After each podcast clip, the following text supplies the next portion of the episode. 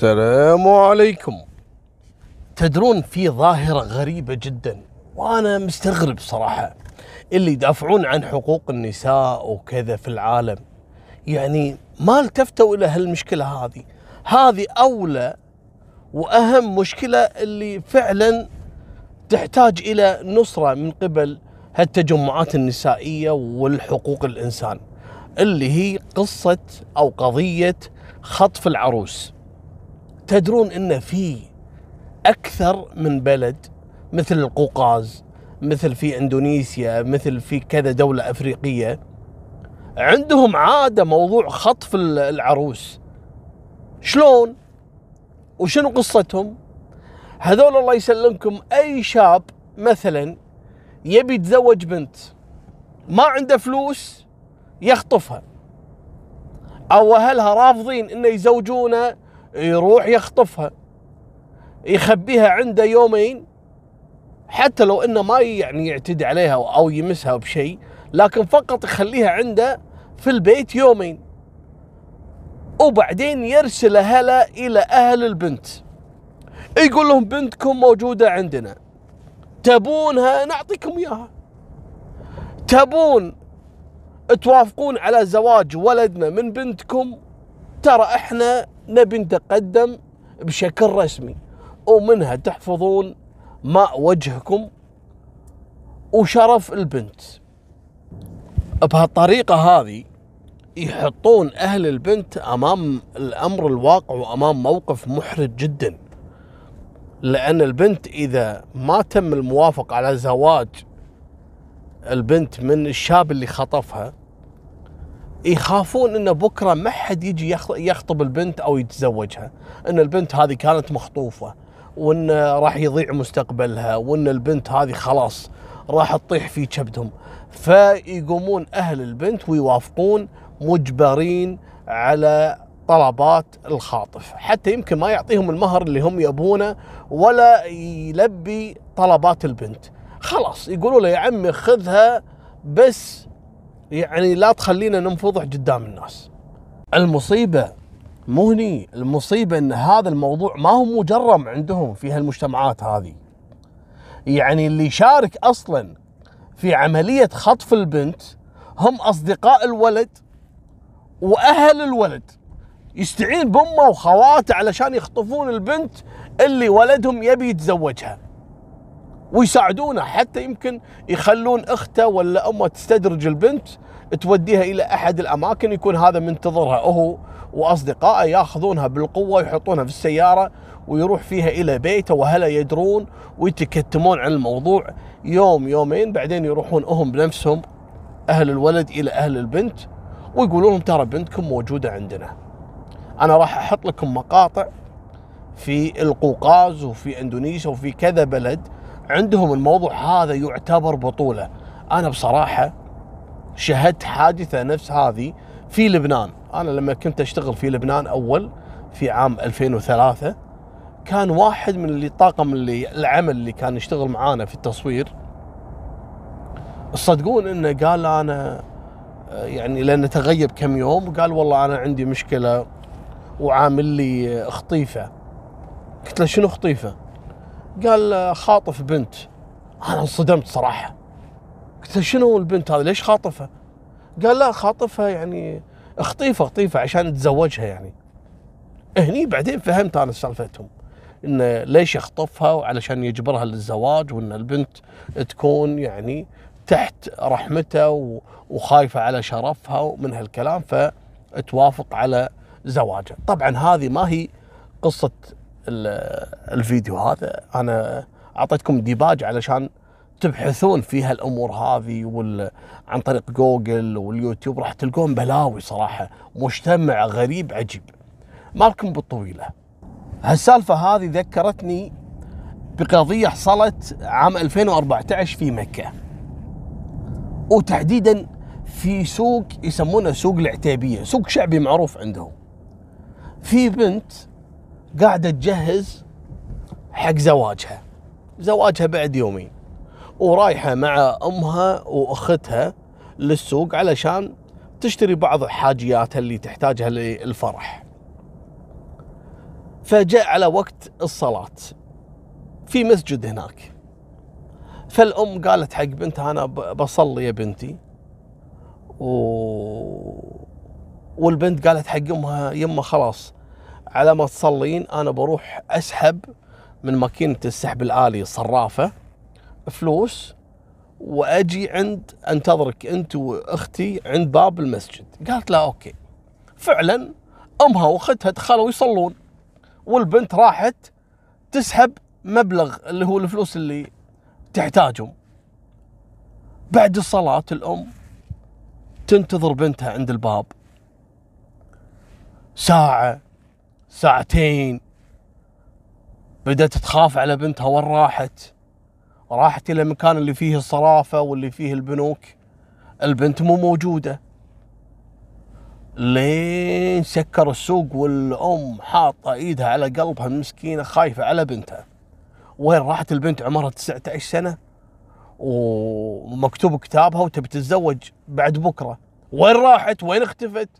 مو معقولة تروح وتغط يعني وما تقول حق أمها يعني. المهم الأم قعدت تبكي في وسط هالسوق واتصلت على عيالها وعلى زوجها. الحقوا علينا. أختكم فلانة. ضاعت. شلون ما ضاعت؟ أنا رحت أصلي وهي قالت أنا بروح أسحب مبلغ من ماكينة السحب الآلي الصرافة المشين هذه لكنها ما رجعت. المهم يحضرون اخوانها وابوها ويقلبون السوق والسوق مسكر. قاموا بلغوا رجال الامن في الموضوع. يدورون يدورون البنت ما لها أي أثر لا هي اللي رجعت البيت ولا هي ولا هي اللي بقت داخل السوق.